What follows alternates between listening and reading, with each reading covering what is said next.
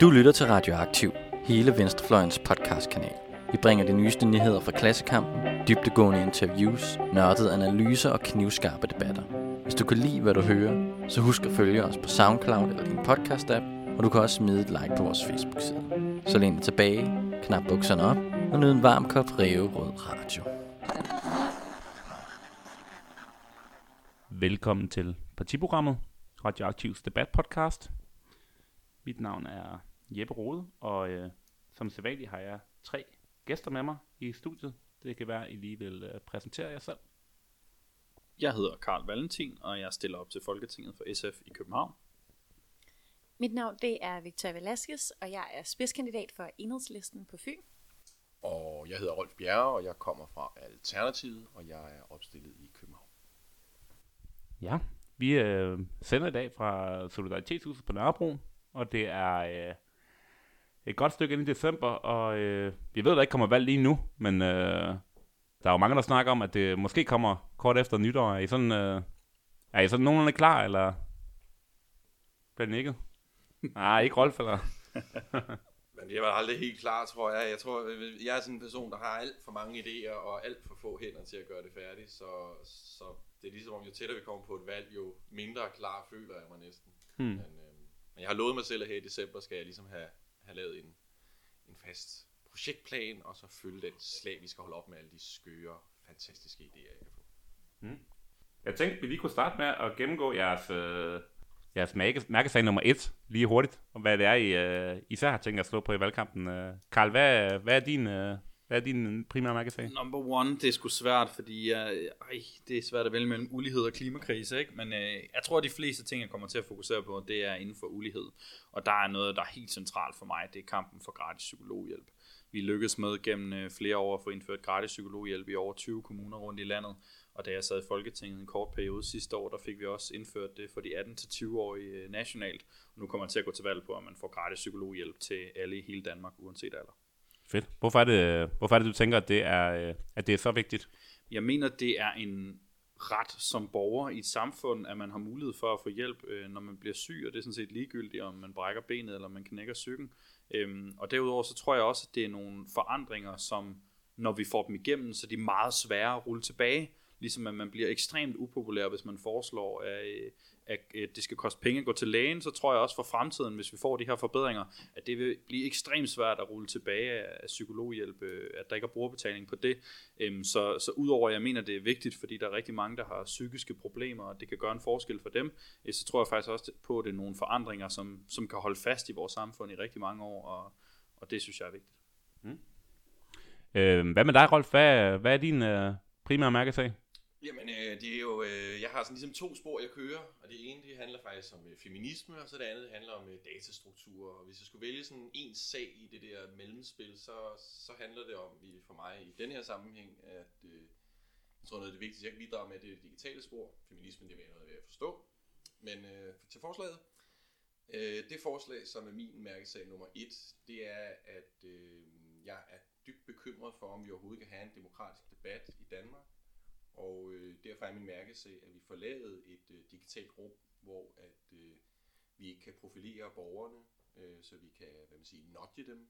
Øh, det er en mærkesag for mig, at vi får lavet det her digitale rum, hvor vi politikere kan have en demokratisk debat, som ikke bliver øh, styret af hverken øh, Rusland, eller et lille hackerskort fra Afrika, eller hvem der nu efterhånden har mulighed for at snyde lidt på vægtskålen med, hvad det er for nogle nyheder, vi ser i vores nyhedsstrømme nu til dag. Altså en form for digital øh, debatform, en slags? Ja, altså for mig at se, så er det digital. For mig at se, bor vi i en verden, der hedder Internet of Everything. Det er ikke kun Internet of Things. Altså alt er forbundet, og det digitale og det analoge er smeltet så meget sammen, at tale om dem hver for sig giver meget lidt mening. Så jo, det er et digitalt rum, men det er jo noget, vi bruger aktivt i vores analoge virkelighed hele tiden. Hmm. Spændende. Hvad med, hvad med dig, Victoria? Hvad er din øh, primære sag? Jeg tror, hvis jeg skulle prøve at øh, ja, slå hovedet på sømmet, så ville det også være til kamp mod ulighed. Øhm, men for mig synes jeg, at det er svært at sige, Nå, men hej, jeg øh, har tre mærkesager, det er afskaf hundeloven, og det er de her tre dele. Altså fordi, at politik er komplekst, og øh, samfundet er komplekst, og ting hænger sammen. Og derfor mener jeg også, til kamp mod ulighed rammer flere dimensioner. Det rammer feminisme, ligestilling, lighed, det som øh, Rolf kommer ind på. Det rammer også klima, altså hele den grønne omstilling. Hvem er rent faktisk dem, der får lov til at bestemme, at vi skal tage klimakrisen alvorligt? Vi havde en demonstration for nylig, hvor at rigtig mange folkeskoleelever strækkede for at sige, at vi skal finde en løsning nu, og på samme tid blev der landet en finanslov, der øh, gav rabatter på luksusfly og på rødvin, og hvor at de vælger at sende altså, flygtningen til en ø, som i sig selv koster meget mere end alt det, der er blevet sat af til grøn omstilling. Og på samme tid så ser vi også, at der har aldrig været større ulighed imellem kommunerne. Vi har en kæmpe ulighed i sundhedssystemet. Vi ser, at nogen øh, slet ikke får en værdig alderdom, fordi vi har et uretfærdigt pensionssystem, og øh, nogen de simpelthen dør, før de overhovedet når pensionsalderen. Øh, og det er derfor, at, at jeg siger til kamp mod ulighed, fordi det er sådan en kompas, vi har i maven, der gør, at øh, vi ved, hvordan vi skal agere i øh, mange af de spørgsmål, der er i politik, og som også handler om idealer om at blive frigjort, at blive lige og blive frie. Hmm. Så kom du alligevel også rundt om mange politikområder på et minut. ja, der smed jeg lidt. Hvad hedder det? Øh, I har jo taget et emne med hver, som I plejer, som øh, vi skal omkring i dag. Og, øh, og hvad er du taget med, Rolf? Øh, fake news, men det spiller jo ind i, i det, jeg sagde som en mærkesag før. Altså, fordi for mig at se, så, så synes jeg, det er helt fantastisk, at vi har et demokrati. Øh, jeg synes bare, når jeg kigger på, hvordan det bliver praktiseret, så ser jeg, at pengesedlen den er mere demokratisk bestemmende end stemmesedlen. Og det ser jeg et kæmpe stort problem. Så, så hvad kan man sige, en vej mod øh, lighed, øh, mere ligestilling, øh, det må også være, at det ikke er pengene, der afgør, hvad vi demokratisk beslutter og taler om. Øhm, og hvordan gør man så det? Og der er det så mit bud, at, øh, at min mærkesag, øh, det er en mod, modarbejde fake news. Øhm, der er kommet noget lovgivning for den gode pappe, som, øh, som siger, at øh, hvis man øh, deler oplysninger, som, øh, som øh, hvad hedder det, meningsdanner på befolkningen, og som kommer fra en efterretningstjeneste, så hvis man deler det, selvom det er jo ægte viden, og selvom man deler det uden at man ved, at det kommer fra en efterretningstjeneste, så, er man faktisk, øh, så kan man faktisk ryge 12 år i fængsel på at dele information, som er ægte. Og det ser jeg som et kæmpe problem for ytringsfriheden, og øh, oven i det har vi Cambridge Analytica, hvor vi fandt ud af, at, øh, at når du bruger Facebook, som du kan bruge det, så kan du ramme dem, du vil med de budskaber, der virker, og du kan ligesom regne det ud på forhånd, og øh, vi har også set øh, hvad hedder det, partier i Danmark, som har arbejdet effektivt med at bruge profilering for at nå ud til deres vælgere. Og det vil sige, at der er en masse også demokratiske rum, som ikke agerer efter de demokratiske spilleregler, jeg mener, vi bør have for at have et ordentligt demokrati. Så min mærkesag er, at vi skal modarbejde fake news, og øh, det handler om at lave nogle digitale rum, øh, hvor at øh, demokratiet kan bo, og hvor at borgerne ikke bliver profileret, så de kan blive styret. For vi skal have suveræne og frie borgere, hvis vi skal have et suverænt demokrati. Hvad, hvad tænker du, Victoria? Er fake news et reelt problem, eller? Mm. Øhm, det synes jeg, det er. Men jeg synes, at der sker nogle farlige ting, når det er, at... Øhm, altså for eksempel som vi ser lige nu i EU og i Danmark, når man prøver at tage nogle, lave nogle politiske aftaler, der skal bekæmpe fake news, så ser man eksempelvis i Tyskland, har man talt om at indgå et samarbejde med øh, Facebook i forhold til, at de skulle have en algoritme, der gjorde, at true news, de vil komme højere op end fake news. Men i praksis betyder det, at for eksempel mindre dagblade som Solidaritet, hvor vi er her lige nu blandt andet, øh, hvor Solidaritet bliver lavet, at det vil ske på bekostning af dem. Øh, det er et tidsskrift, der blandt andet der, hvor jeg har studeret på arbejdslivsstudier, et tidsskrift for arbejdsliv, hvor rigtig mange folk er med. De vil, det vil også ske på, på bekostning af dem.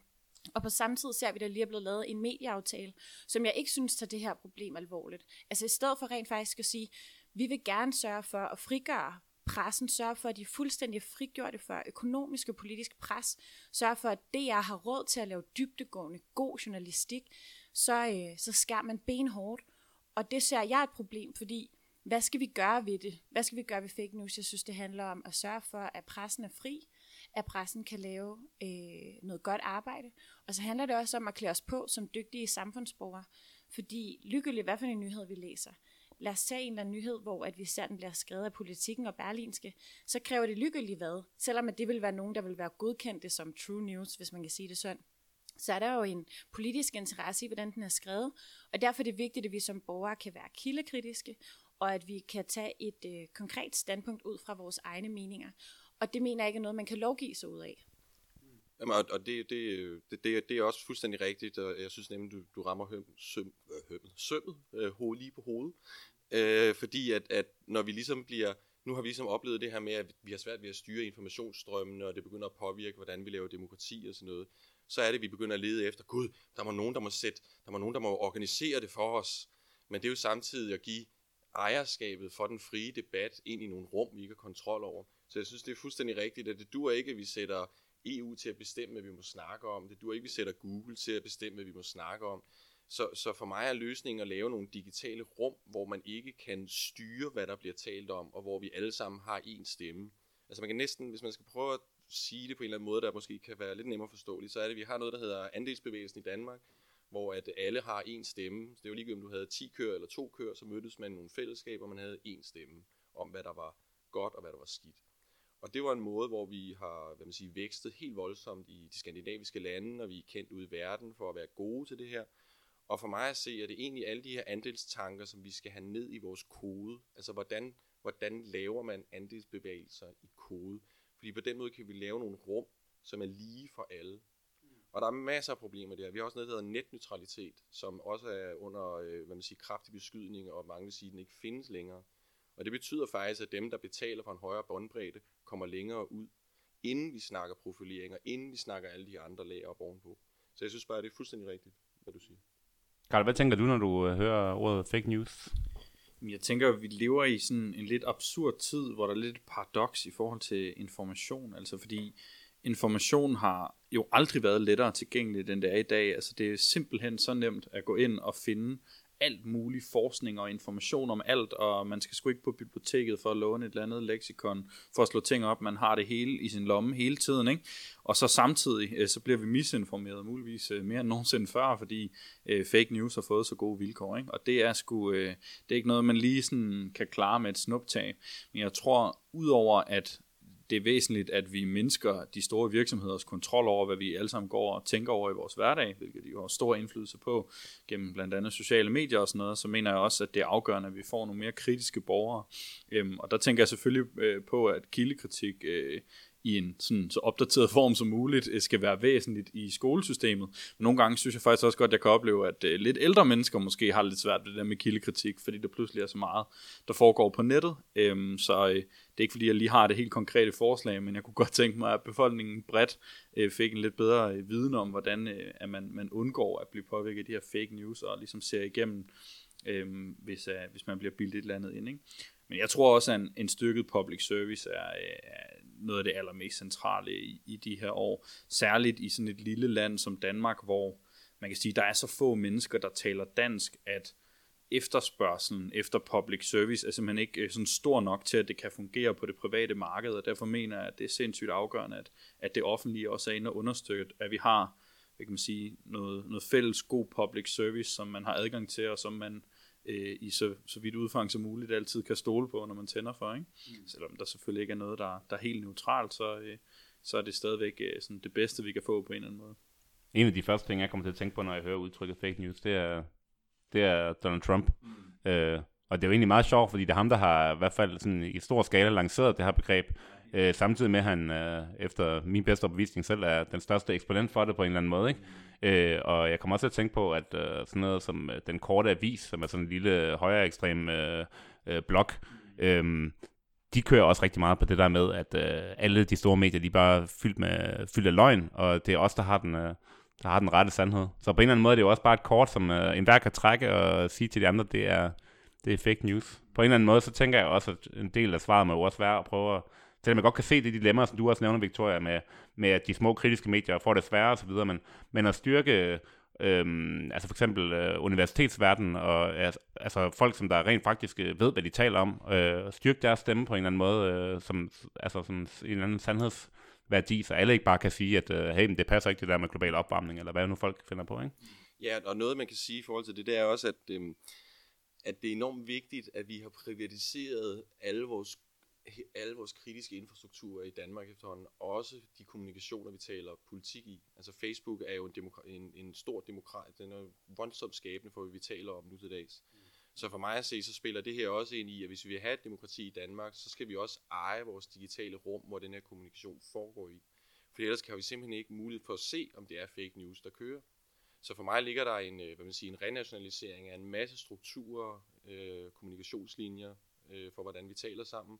Jeg mener, vi øh, som public service, øh, jeg mener, DR skal overgå fra det, der hedder public service til public services. Og det betyder helt firkantet, at DR kommer til at have en rolle med at lave rum til, hvor vi kan dele nyheder i et demokratisk rum med nogle fast definerede regler, der er bygget ned i kode. Det er også noget med, at vi kan begynde at lave egen produktion, hvor alle har mulighed for at spille lige ind. Den her peer-to-peer, hvor vi alle sammen kan deltage, så længe staten laver nogle rum, hvor at der ikke er nogen, der får forlommer i forhold til hinanden, så kan vi begynde at se hinanden i øjnene og bygge fremad sammen. Så for mig ligger det helt nede på bunden, det er en renationalisering af alt kritisk infrastruktur i Danmark. Tror du virkelig, at den uh, grå velfærdsstat ville kunne lave et, uh, et rum, som ville kunne udkonkurrere for eksempel Facebook? Det var lige mit spørgsmål, du tog der. Mm. Yes, jamen det er nemlig det er ret interessant. Uh, altså det er et skide godt spørgsmål. Ja, det er jeg helt overbevist om. Noget af det, vi ser for tiden, det er, at Silicon Valley er begyndt at uh, melde sig ind i europæiske regeringer på stor stil. Der findes stort set ingen regering i Europa nu, som ikke har en to-tre Silicon Valley-folk siddende omkring sig. Og det er fordi, at privacy er begyndt at være en værdi. Det er en værdi, vi er begyndt at måle på, og vi er ved at være ude over det her med, at nu skal vi bare hurtigt frem i bussen og solgt en masse skinker eller et eller andet. Nu handler det faktisk om øh, nogle værdier, vi er begyndt at kunne bygge ind i det. Så for mig at se, så, øh, så øh, hvad kan man sige, ja, så, øh, så kan vi det godt. Men jeg tænker også i forhold til det her med privatiseringer, så selv det er jo også underlagt en masse ting. Altså jeg har talt med nogen, jeg kender, der er journalister på DR, hvor det skal gøres op. Hvor man klik har en dokumentar fået, eller en artikel fået. Og det vil sige, meget af den markedstænkning, der egentlig er på det private, spiller også ind i DR. Og det synes jeg egentlig er problematisk. Jeg kan huske, at vi har set øh, dokumentarer i undervisningen, som har været produceret af DR i sin tid, men det vil nok ikke være nogen af dem, jeg havde fundet frem til, hvis man bare lige skulle sidde og slå hjernen fra en søndag aften med familien eller sådan noget. Ikke?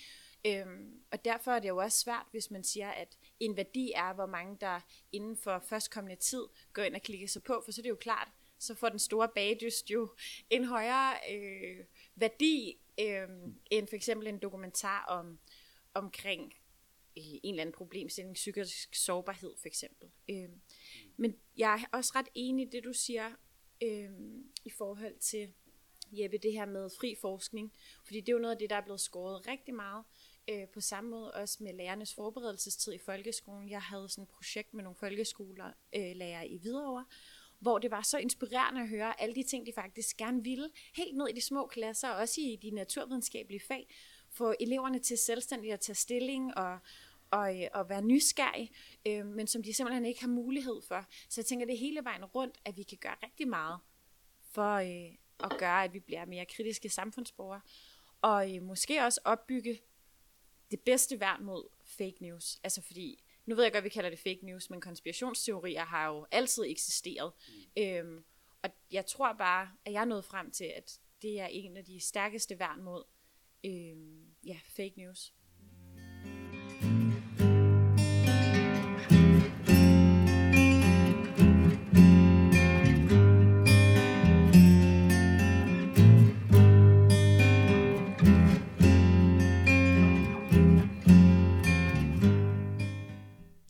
Vi skulle øh, rykke videre til, øh, til næste emne.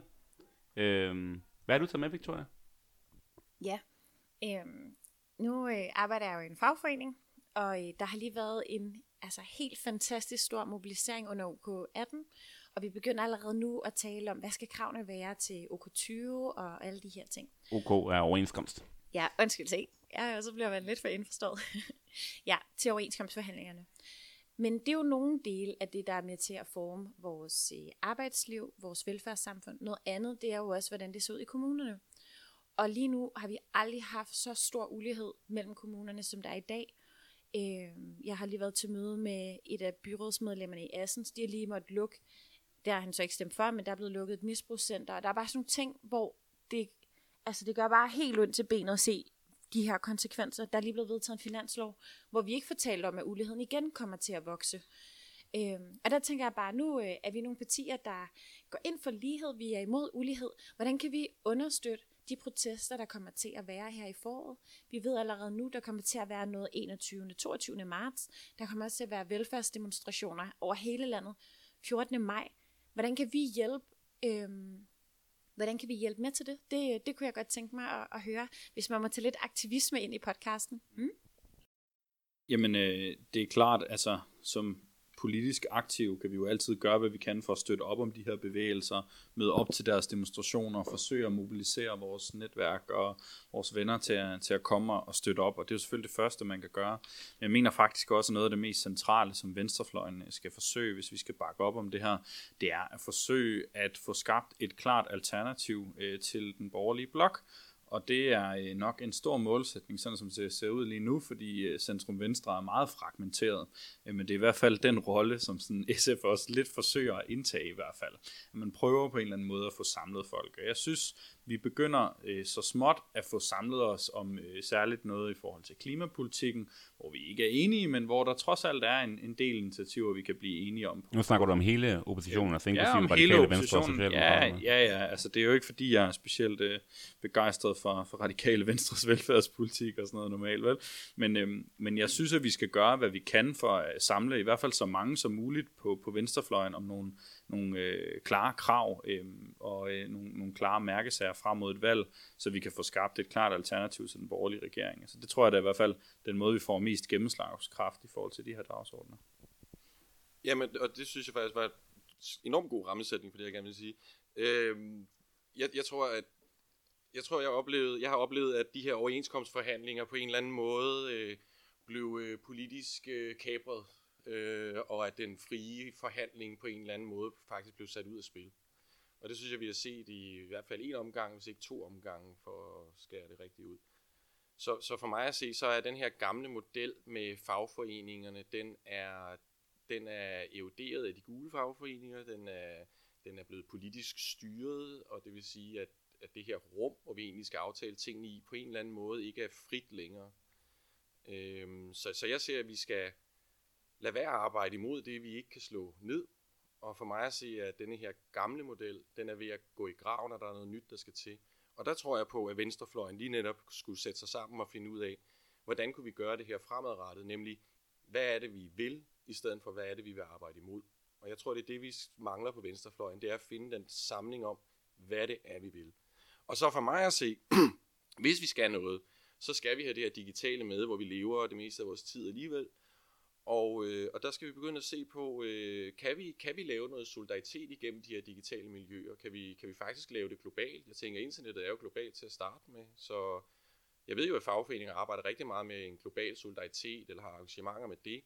Men, øh, men det er lidt ligesom, at de prøver at tage en gammel model for, hvordan vi skal lave klassekamp, og så putte den ind i et miljø, hvor klassekamp foregår på en helt anden person. Så for mig at se, spiller det egentlig også ind i det her med fake news, fordi hvis vi putter fake news ind i vores øh, debatter, så kan vi ødelægge debatterne. Så igen minder det ind til, at vi skal have lavet et rum, hvor vi kan have en fagforening, som kan lave konsoliderende arbejde på tværs af alting, og gå ud og sige nogle hæftige ting, de vil have, hvor befolkningen kan støtte op om med et tryk på en knap, og på en eller anden måde vise deres fylde, uden at de skal ud og mødes til hvad man siger, demonstrationer, som der er glemt i morgen. Jeg, jeg synes faktisk, overenskomstforhandlingerne her i 2018 viste, at det her fællesskab og det faglige handlefællesskab, vi har sammen, ikke er vurderet tværtimod. Og at alle dem, som melder sig ind i hele den diskussion, er hvad er en overenskomst, hvad er en fagforening, hvad er egentlig vores rettigheder. Der var rigtig mange, der sagde, okay, dem, der har meldt sig ind nu, de melder sig ud igen, og det har vi set, det er ikke sket.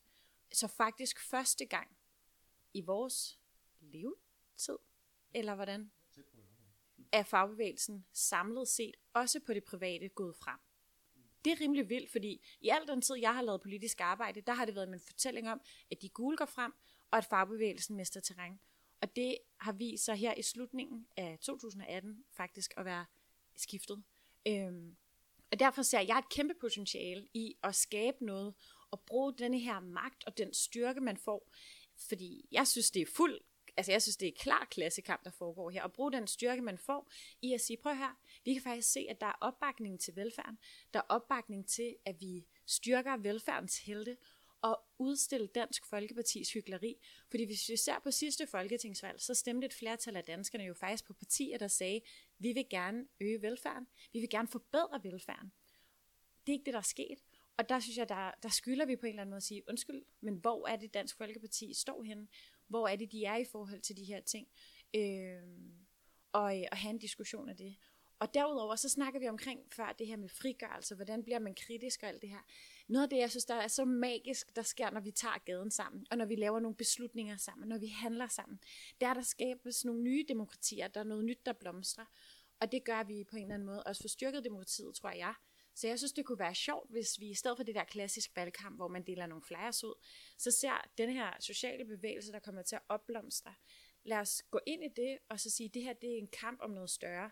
Det handler ikke om en stemme på mig eller et eller andet. Det her det handler altså om en kamp sammen om, hvad er det for en verden, vi gerne vil have, og hvad er det for en retning, vi gerne vil gå i sammen.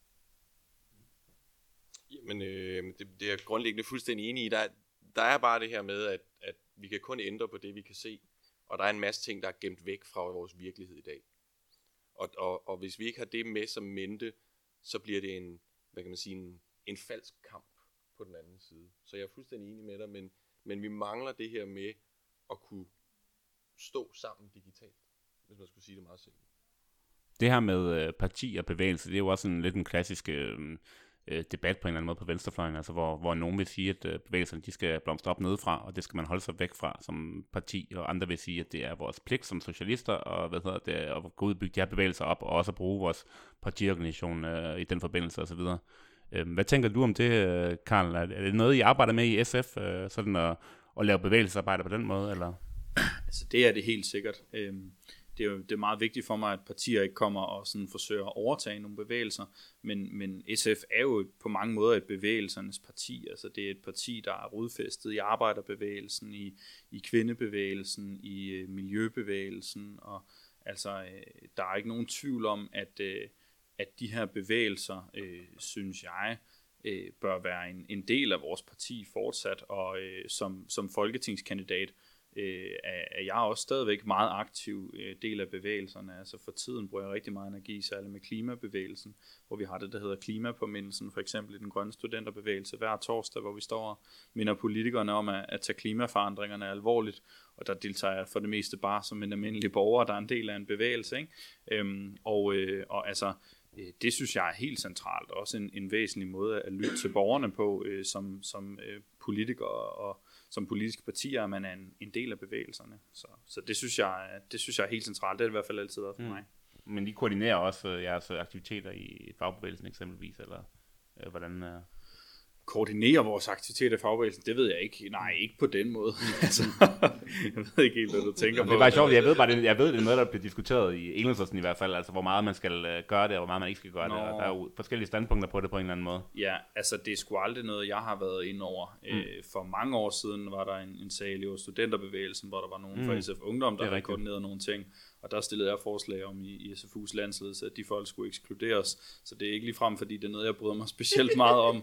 Den øhm, sag handlede om, at de havde, havde styret øh, danske gymnasieelever sammenslutning rimelig, rimelig massivt med, med hemmelige netværk og Ja, ja lige præcis. Ja. Lige præcis. Øh, så, og, og sådan noget skal jo ikke foregå, fordi det er jo netop ikke bevægelsesarbejde. Altså, det er jo bare undergravende partiarbejde, hvor man forsøger at infiltrere nogle bevægelser. Ikke? Altså, det bryder man sgu ikke om. Mm. Øhm, så, øh, men, men selvfølgelig diskuterer man tror, man gør alle partier, som er en del af nogle bevægelser, hvorfor noget arbejde man laver i, i, i bevægelserne. Og jeg synes, det er centralt, at man har mulighed for at være begge steder, altså være en del af bevægelserne og være en del af et politisk parti, men uden at man skal gå ind og forsøge at kontrollere bevægelserne, altså fordi så søger folk også bare andre steder hen. Øhm, hvis folk gerne vil være et politisk parti, så tror jeg, det melder sig ind i et politisk parti. Altså. Mm. Øhm, så, øh, så der er ikke nogen grund til at gå ud og forsøge at styre det på nogen måde jeg synes, der er rigtig stor forskel på at kuppe og agere behind the scenes, ja, som præcis. vi så, at det skete med DGS, og så øh, at være faglig aktiv, og, øh, og ja, de ting, der foregår i forhold til det. Øh, altså fordi der skete med DGS'en, som jeg forstår det, så er det sådan noget med at sætte sig på stemmeudvalget og alle mulige ting. Øh, og nu mødte jeg for eksempel her for nylig en, øh, en god faglig ven, som er SF'er, og som også øh, er øh, øh arbejder i DSB, og der lød det i hvert fald som om, at man havde snakket om, når, hvordan kan vi bedst muligt faktisk hjælpe de ansatte i DSB, de står jo til at få fyret øh, 50 tillidsrepræsentanter. Øhm, og det er jo helt åbent og åbne møder, og der er ikke noget hemmelighedskammeri der. Så det synes jeg er to meget forskellige ting. Og jeg synes, at det er vigtigt, at man netop snakker om, hvordan kan vi bedst understøtte det.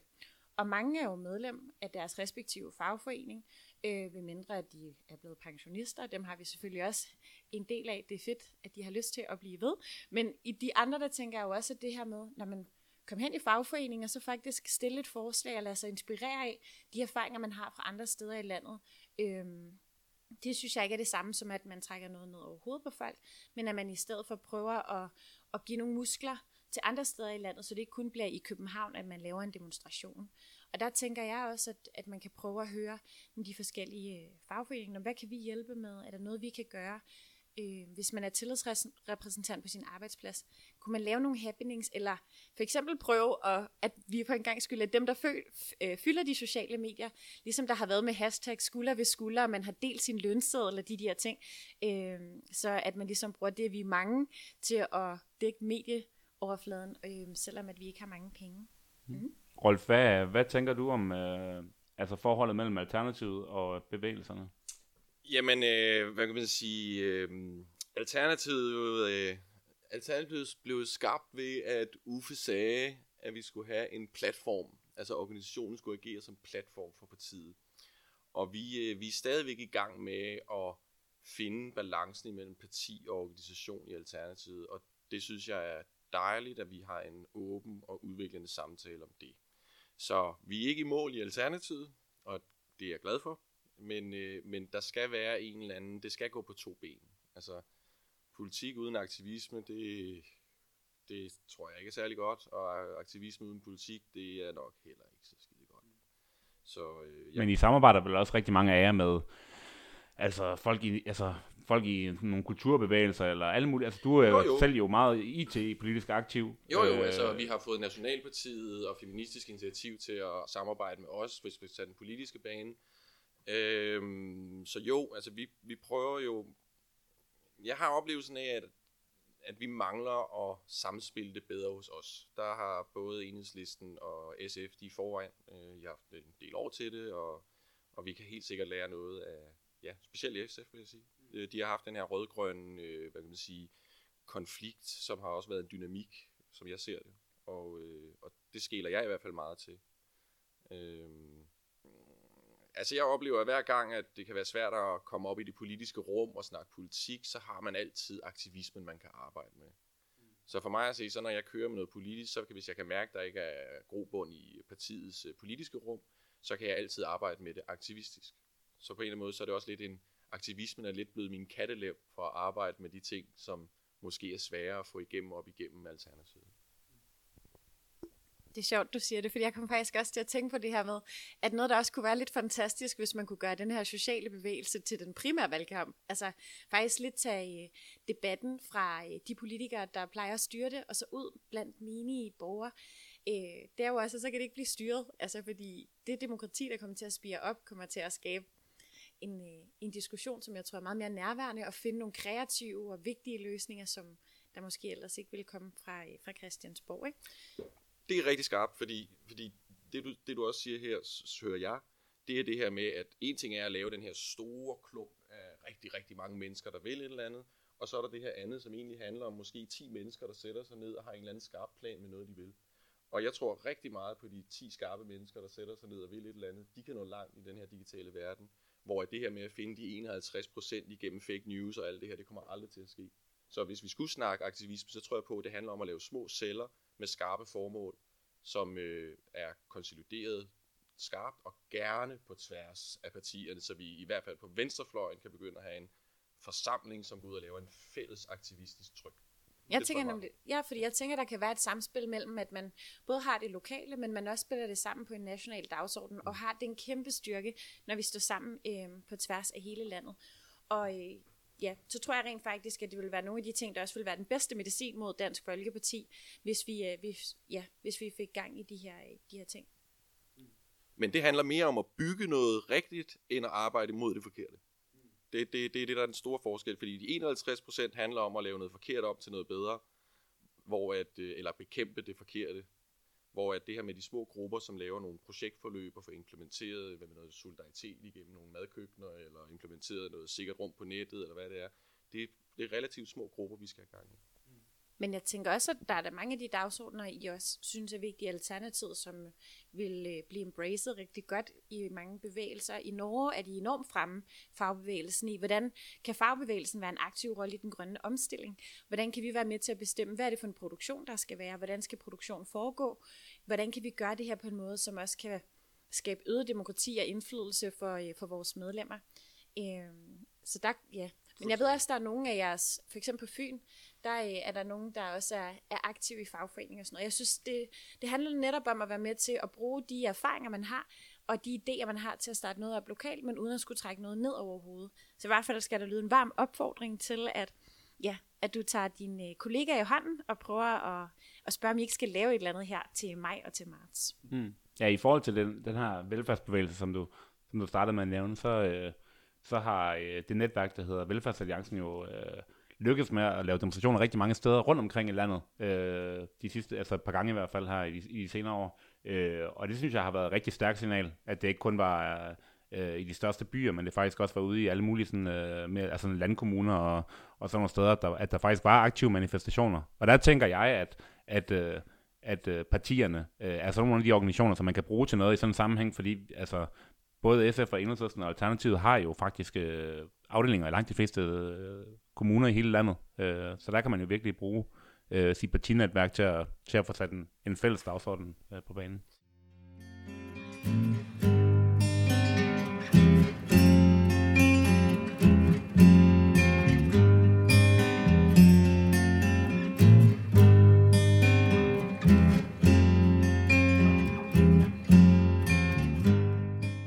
Det kan være, at vi skulle komme videre til dagens sidste emne, øh, som du har taget med til os, Karl. Ja.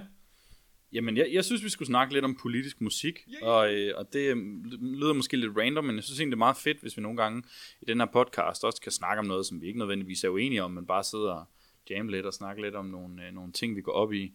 Og øh, da der blev skrevet ud og spurgt, øh, hvorfor nogle emner folk gerne vil have med i dag, der gik jeg lige og hørte Raske Penge, øh, som jeg er rimelig glad for, og som er den eneste i Danmark, tror jeg, der kan konkurrere med, med Rolf i skægvækst. øh, øhm, og så, så tænker jeg, vi kunne godt snakke lidt om politisk musik, så jeg kunne godt tænke mig at høre, om I, I øh, hører noget politisk musik, og hvorfor noget, og hvad, hvordan det inspirerer jeres hverdag og sådan noget. Det synes jeg kunne være nice. Det lød i hvert fald som om, at at I, I alle sammen på en eller anden måde øh, høre noget politisk musik en gang imellem? Jamen altså, jeg var jo klar til at rykke mit fake news emne væk på grund af musikken der, for jeg synes, det er spot on. Det er så vigtigt. Øh, jeg har selv boet næsten lige siden at Ras Money, har gået med ham der, inden han lavede øh, min yndlings sodavand, og blev til et stort navn, og hang en del ud på Robert Up med ham in the early days, så øh, det er ikke tilfældigt, at vi næsten har samme skægvækst, tror jeg. Øh, og jeg synes, det er pissevigtigt med, jeg tror noget af det her med at lave denne her forsamling, som vi også snakker om, det handler om at få et nyt, et nyt mantra, en ny måde at tale om tingene på. Og jeg tror, de revolutionære sange har en kæmpe rolle at spille i det. Øh, jeg har selv sat mig for, at jeg vil gerne, jeg vil gerne være en, en syngende politiker. Altså, jeg kunne virkelig godt tænke mig, at mine budskaber kunne ses i tekster. Jeg er virkelig træt af at sige de samme øh, sætninger igen og igen på Facebook. Hvis jeg kunne linke til en fed sang, der sagde det i stedet for hver gang, så vil jeg gøre det. Og hvis der er nogen, der hører det her program, som er med til at lave musik sammen med mig, så skal I endelig komme, fordi jeg vil virkelig gerne lave musik. Så for mig at se, at det her med musik vigtigt. Jeg vil gerne tage en, eller jeg vil gerne, jeg vil gerne tage den vigtigste, synes jeg. Den vigtigste, jeg har hørt på det sidste, det er hende, der hedder Nicoline, som øh, lavede sådan en med øh, flertallet af dumme, og hun har også lavet sådan en, der hedder Sut min klit, og hun går i den grad til grænsen med det, hun laver og hun kalder det kunst, og derfor når politikerne bliver, øh, bliver foråret over, hun laver sådan noget med, at de bliver skudt til mål efter på en skydeskive i en af hendes videoer, så flipper de jo helt ud, og, øh, og hun presser noget debat ud igennem de her sange, som jeg mener er pissevigtigt, vi får taget op. Så hvis jeg skulle, øh, hvis jeg skulle pege på en, som laver noget politisk musik, man skulle tage at lytte til, og det er selvfølgelig, fordi jeg er der feminismespor også, så er det Nicoline, som jeg synes, man skal lytte til. Mm. Hvad med dig, Victoria? Ja, øh, jeg ved ikke, om det er sådan en 90'er barns ting, men øh, jeg har en utrolig bred musiksmag. Og det kommer lidt an på, hvilket humør jeg, jeg er i. Øh, men faktisk synes jeg, at noget af det, som politisk musik kan gøre, udover at det er helt, altså det der med, at man er vred, og man kan kanalisere den vrede til, øh, til noget handlekraft og sådan noget, så øh, synes jeg faktisk også, det kan give sådan en eller anden følelse af fællesskab. Jeg kan huske i folkeskolen, så, øh, så sang vi, og vi sang nogle gange Bella Ciao, øh, eller til politiske møder, hvis man synger øh, Hope Computer, som er en sang omkring øh, nogle faglige konflikter og sådan noget. Det giver bare en helt vild energi, øh, og jeg synes faktisk, vi synger for lidt. Enig. så lige om lidt, så tager øh, Jeppe gitaren frem, og så... Nej, øh, nu synger jeg ikke så godt, så det tænker jeg, at lytterne må være meget glade for, at vi ikke skal gøre. Men, det- men jeg synes faktisk, vi gør det for lidt. Øh, men jeg vil sige, jeg synes, der er lidt forskellig musik, som kan give ret god mening. Altså, jeg synes også nogle gange, Sort Stue kan komme med nogle fede ting, og øh, nogle gange så sådan lidt til en fest, når nogen laver nogle gode sange med noget politisk musik, selv sådan noget Club Kids and Queers, altså der kan være sådan noget, som kan give sådan lidt, øh, ja, det kan være lidt mere inkluderende, end hvis det er den der sang Blurred Lines, som sidder og snakker om, at øh, nej, men, øh, der er ikke rigtig nogen grænser, øh, som egentlig snakker om, at overgreb er okay. Altså, så på den måde, så tror jeg mere, at jeg selekterer musik fra, hvis jeg ikke gider at, at høre på det, øh, end at jeg kun har sådan en musiker, jeg, jeg hører. Og så synes jeg, det er sjovt at høre øh, politisk musik på spansk også, og høre generelt også meget musik fra, øh, fra Latinamerika. Øh, ja, og det, det synes jeg egentlig er meget sket. Og der er nogle gange også nogle ting, så kan man se nogle tendenser. Øh, for eksempel her på det seneste, så er de begyndt at sige øh, sådan noget med øh, forenede lande og sådan noget. Øh, og det er sådan helt forskelligt fra lande til lande i den spanske musik, og det giver sådan en international solidaritetsfølelse, som bare er mega fed. Hvad med dig selv, Karl? Jamen, øh, altså, politisk musik er en stor del af mit liv. Jeg er i det hele taget bare rigtig glad for musik og hører særligt hiphop og rap, og synes faktisk, der er rigtig mange øh, dygtige øh, rapper i Danmark, som, som tager fat i politiske emner. Øhm, en, jeg lige kom til at tænke på, det var Ham den Lange, som øh, var kendt lidt som freestyle rapper i gamle dage, men han har for nylig udgivet, øh, det vil være lidt tid siden, men han har udgivet en, øh, en plade, øh, som handler om, at han har, han har været øh, frivillig i en øh, flygtningelejr i Grækenland. Øh, og det er øh, totalt hjerteskærende musik. Altså det er måske ikke ligesom... Øh, det er ikke ligesom, når man synger fællessang på, øh, til politiske arrangementer, at det giver gejst. Altså det, det er en af de få sådan, politiske plader, der har fået mig til at græde, tror jeg. Det er fandme hård, hård kost. Men jeg synes, det er vigtigt, fordi han sætter, han sætter fokus på, på nogle, nogle sindssygt vigtige øh, emner for vores tid. Øh, men der er jo der er sindssygt mange øh, fede politiske musikere. Jeg har mange år også hørt øh, Immortal Technique fra USA, som sådan en amerik- amerikansk øh, rapper, der øh, han, er, han er benhård, revolutionær socialist. Øh, og øh, det er ikke fordi, jeg er altid enig med ham, men jeg synes virkelig, han, øh, han kan vække noget vrede over det kapitalistiske system i en, øh, som ingen andre. Det er fandme fedt. Øhm, Raske Penge, som jeg også lige nævnte før, har også for nylig udgivet en plade, der hedder Indtil Nu, øh, hvor han tager fat i øh, mange øh, spændende emner. Han øh, rapper om øh, narkotika, han rapper om, hvordan det er øh, at sidde i fængsel og øh, føle sig isoleret fra omverdenen, og han, øh, han tager fat i øh, vores forhold til... Øh, øh, andre arter, og øh, han, ja, men altså, han tager simpelthen øh, han tager virkelig fat i nogle, øh, nogle spændende emner. Øhm, der er også noget af det mere populære, altså, øh, som, øh, øh, som måske ikke er så direkte politisk, men altså, jeg synes også sådan nogle rapper som, som Gilly for eksempel formår ligesom at få sat ord på, øh, hvordan det er at være en del af bandemiljøet i København og sådan noget der, på en måde, der, øh, der får os til at, at høre nogle ting, som vi ellers ikke lige øh, hører til hverdag. Han, han er en stor stemme i debatten. Så jeg synes fandme, der er mange, der kan noget, øh, og, øh, og det inspirerer mig meget politisk sådan til daglig. Jamen, jeg synes også, man ser, at øh, nemlig, at, at der er begyndt at være politiske holdninger i meget af det her. Ja, blandt andet hiphop. Øh, mm. og, og jeg, jeg, jeg er meget øh, amerikansk inspireret, og jeg vil nævne to kunstnere, jeg synes er helt magiske. Den ene hedder Saul Williams, og øh, han har lavet to numre, som er helt magiske. Mit yndlingsnummer med ham hedder Twice the First Time. Og det er nærmest sådan et øh, poetry slam nummer, som er helt skudt af, både i tekstunivers og i, øh, i lydsider. Så har han lavet et andet nummer, der hedder Hack Into Everything, som også er helt fantastisk, synes jeg. Så jeg synes, vi skal synge noget mere også. Jeg synes faktisk, altså, hvis der er nogen, der skriver en sang til den her klub, så vil jeg altså notche folk herinde, indtil vi synger den. Og så, øh, så, så synes jeg også, det er sjovt, at det der med, at man laver sine egne udgaver af nogle gamle sange. Altså, jeg har haft det rigtig grine over den der, når jeg ser et rødt flag smelle, som er blevet lavet om til, når jeg ser en sjeltank brænde. Det, det, ej, jeg synes, den er sjov. Men det gør også, at man kan komme med noget politisk kritik på en helt anden måde. Jeg kan huske, mm. jeg var elevrådsformand på Avedøre Gymnasium. Der blev jeg også lukket til at skulle gå op og freestyle rap. Jeg kom på anden pladsen, ja. Men så det der med, at øh, altså, også at kunne komme med, det blev jeg ligesom udfordret til, noget kritik af nogle af de ting, vi synes, der var dårligt på skolen. Så kan jeg huske et eller andet hvor sådan noget, imens jeg skinner af paljetter, så stinker du som skoens toiletter, eller et eller andet. Yeah. og sådan nogle ting er mega sjove, på samme måde også med Karina Willumsen. Den der, findes der noget mere sexet end transport? Nogle gange som kvinde, hvor man skal prøve at forklare, når man, og på den her pædagogiske måde, så kan det bare være så befriende at høre øh, hendes sange, som bare altså, drøber af ironi, ironi og sarkasme.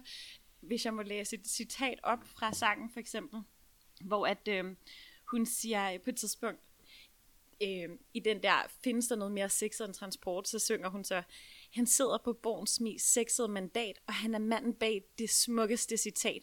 Jeg anklager kvinder for grundlæggende at være uden moral og ære. Jeg anklager kvinder for af samme grund at være ude af stand til at opbygge og opretholde et, en levedygtig menneskelig civilisation og sådan noget, hvor hun siger det på sådan en sjov måde. Ikke? Øh, ja, til Ole bare- Birk, vel at mærke. til Ole Birk, præcis, ja. ikke?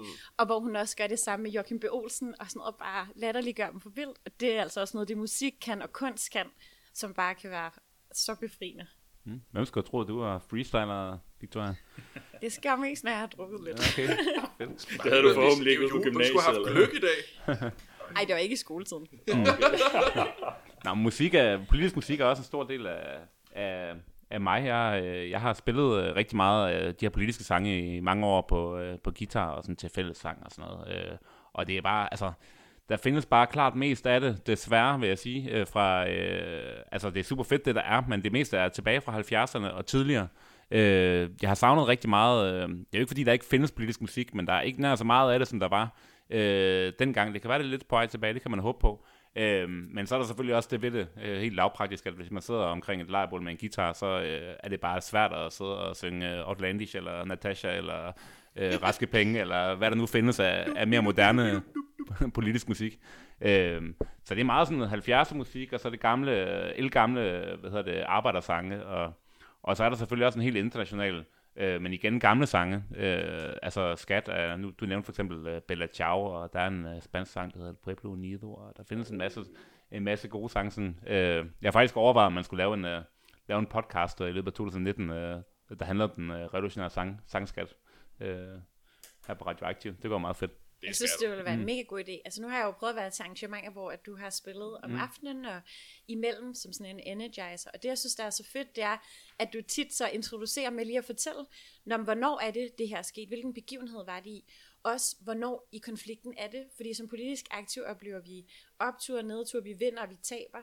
Og det her med at få den politiske øh, historie med sig, og egentlig også fordele en kollektiv erfaring igennem musikken, det er jo en skat, som vi jo slet ikke har gravet nok frem. Mm. Det er rigtigt. Man kan lære rigtig meget af, af historien og, og de politiske øh, sejre og nederlag, som der nu har været på venstrefløjen og så videre. Jeg har jo været rigtig lang tid om at forstå, at øh, altså for mig er det her feminismespor, det handler også om, at jeg gerne vil lære det selv. Fordi for mig har det været rigtig lang tid om at forstå, at, øh, at feministisk øh, hvad man siger, ligestillingskamp ikke har noget med det at være feminin at gøre i sig selv. Altså for mig tog det lang tid at forstå, at feminisme i virkeligheden var klassekamp. Mm. Og efter ja. at det ligesom er gået op for mig, at det ikke handlede om at være feminin i sin klassekamp nødvendigvis, så er jeg dykket dybt ned i, øh, hvad man siger, den feministiske revolutionære musik tilbage fra 70'erne. Okay. Og der er virkelig meget øh, guld der, synes jeg. Når du sidder og rocker trille derhjemme og sådan. Ja, Trille kendte jeg i forvejen. Min mor var gammel DKP og sådan noget. Der, der, der fik, blev jeg hvad man siger, fodret med det. Men der er virkelig, virkelig mange små... Øh, jeg er sådan en, der samler på LP'er og går rundt og rode i alle genbrugsbutikkerne. Og altså gamle spidersange fra 60'erne. Og, altså og nogle af de her kvindesange, der blev lavet. I virkeligheden så i dag, så tænker jeg, det var vildt fedt at indspille, men hvor det ikke kun var kvinder, der sang den. Altså det her med at få... Altså, det er gået op for mig, at feminismen er klassekamp. Altså, hvorfor fanden inkluderer vi det ikke i klassekamp? Altså, hvorfor, hvorfor skal vi ligge derude som sådan en klat? Så, så, så ja, de feministiske klassekampsange, der er guld i dem velkommen med i kampen. Men jeg synes faktisk også, at min far, han har også en masse LP, og så kan jeg huske, at jeg hørte sådan en sang, jeg var helt vild med, da jeg var lille, hvor der er en sætning, der hedder, der var 14 børn i stuen. Og det, der er sjovt, det er, at så tænker man 14 børn i stuen, og i den der sang kritiserer de, at det var mange, og nummeringen var for høj, hvor jeg tænkte, wow, det var luksus, hvis man kiggede på, hvor mange der er nu. Så på den måde kan det også give noget perspektiv. Mm. Ja. Ja. Det er rigtigt. Og så, hvad hedder det, øh, en er jo også lige inde på det der, jeg tror det er dig, Victoria, med, at øh, der er også noget musik, der ligesom man så ikke gider at høre, fordi at det er latterligt, fordi det er højorienteret på den ene eller den anden måde. Der er selvfølgelig en hel masse musik, som bare, øh, rigtig meget popmusik, er relativt indledsigende på en eller anden måde, og stiller ikke de spørgsmål, som man bør stille til det samfund. Det handler meget om at, at forbruge og køre med på de der præmisser, som, som der nogle gange er. Øh, men så er der selvfølgelig også musik, som er sådan eksplicit øh, sexistisk for eksempel. Altså, det er der en hel del hiphop, der er for eksempel, og der findes der også øh, bands, der kører med racistiske tekster og ting og sager, som jeg i hvert fald sådan af politiske grunde har undladt at, at høre, altså selvom at det rent øh, musikalsk måske egentlig lød, øh, lød meget fedt. Øh.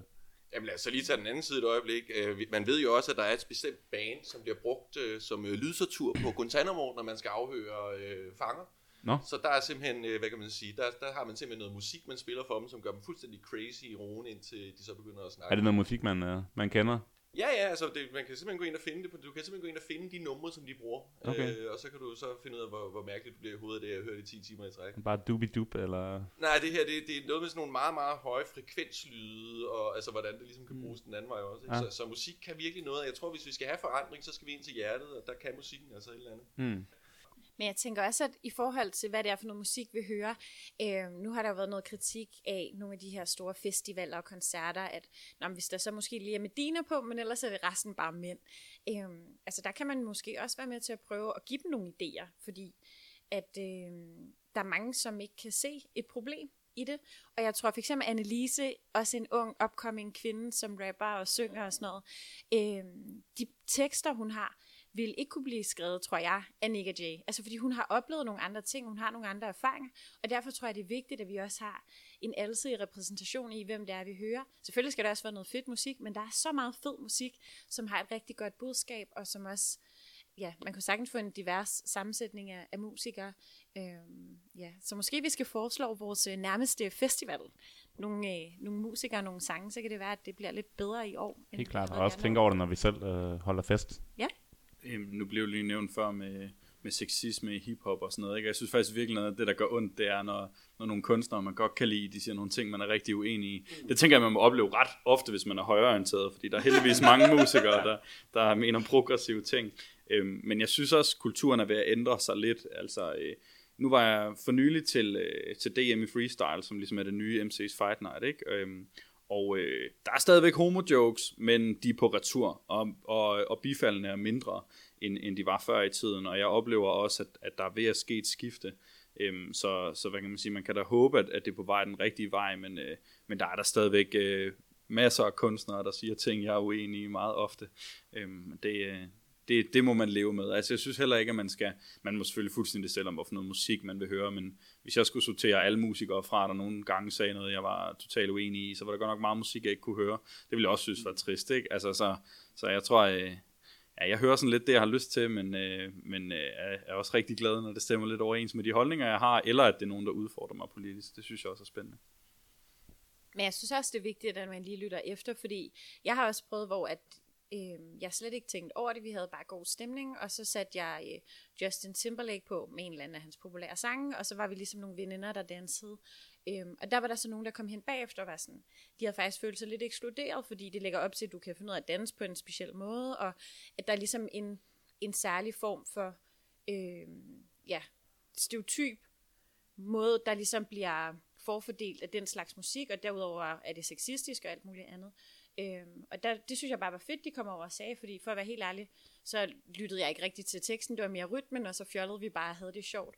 Og der tror jeg bare, at øh, hvis vi rent faktisk også vil skabe et byliv, hvor alle har det sjovt, at så er det også vigtigt at, at, at høre, hvad det er, folk har af, af tanker og oplevelser. Ja, fordi, øh, præcis, fordi musik kan jo begge dele, ikke? Altså som sagt, det kan bruges som tortur, og det kan bruges til gode revolutioner. Øhm, men men øh, et- noget man kunne tage ind, det var det her med, at forbrændingen har valgt at sige, at de kun vil have kvindelige kunstnere det næste år med alle deres musikarrangementer. Ja, forbrænding er sådan et øh, spillested ude i Albertslund. Ja, præcis, og, og det har jo været, der har været i hvert fald til feminisme-debat, jeg er begyndt gået ind i, der har der været sådan en kæmpe debat om, hvad fanden er det for noget med at forfordele kvinder og ting og sager. Og min egen holdning er, at det er super fedt, de gør det som et eksperiment i en afgrænset periode, og så kan vi få lidt lys på denne her, hvad man siger, måske lidt blødere klassekamp, eller den feministiske klassekamp. Som, øh, så der ser det også ud som om, at de, vi får noget, noget af den, noget af det ind der. Ja, jeg, jeg synes, det er en svær balance, det her, fordi øh, når man er ude på, på diskoteker, eller man er ude i byen, hvad, hvad det nu kan være, så er det selvfølgelig rigtig træls, hvis der kommer noget musik på, hvor man føler sig ekskluderet, men det tror jeg også er meget svært at undgå, altså fordi hvis man ikke vil have øh, noget musik, øh, der handler om, at kvinder skal ryste røven, selvom at det egentlig ikke er noget, jeg synes er, er specielt nice, sådan nogle typiske numre, så kan det også godt være, at der er nogen, der ikke vil have, at man sætter Natasha på med Giv mig Danmark tilbage, fordi det er de også øh, uenige i politisk, ikke? Og det er, sådan, det er en svær balance, altså det, det er kunst på en eller anden måde. Så kan man så kan man stemme med fødderne og lade være med at gå op og ryste røven, når der kommer et eller andet sexistisk lortemusik. Øh, så kan man holde sig væk derfra, ikke? Men altså, jeg synes også, det vil være et skråplan, hvis man begynder at ligesom, øh, sådan meget selektere i, hvad det er for noget musik, der bliver spillet, alt efter politiske holdninger, som der er i det. Eller sådan. Det, det vil jeg i hvert fald synes var svært. Men jeg synes, der er forskel på at have en politisk uenighed om for eksempel Natasha giver mig Danmark tilbage, og så nogle sange, som direkte går ind og legitimerer voldtægt og overgreb og sådan nogle ting. Ja, men helt sikkert. Det kan, det kan jeg godt følge. Mm. Men i hvert fald en opfordring øh, til alle jer, der lytter med, om at tænke over, hvad det er for noget musik, I hører, og øh, når I øh, er sammen med jer selv og sammen med jeres venner, så spil noget øh, fedt. Der findes rigtig meget fedt venstreorienteret musik derude. Det er godt. Så. Det var, øh, det var vist, hvad vi nåede for øh, den her gang. Så bliver det øh, rigtig spændende, om der kommer øh, valg øh, her meget snart, eller om vi, øh, om vi øh, ses det sædvanligt øh, chilleren program med en kop kaffe og, og lidt snak her om fire ugers tid øh, efter nytår. Og måske der er nogen, der har skrevet en sang til os. Det kan være. Hvad hedder det? Øh, jamen, øh, tusind tak for i dag, og vi ses i det nye år. Selv tak. Selv tak. God jul. Godt nytår.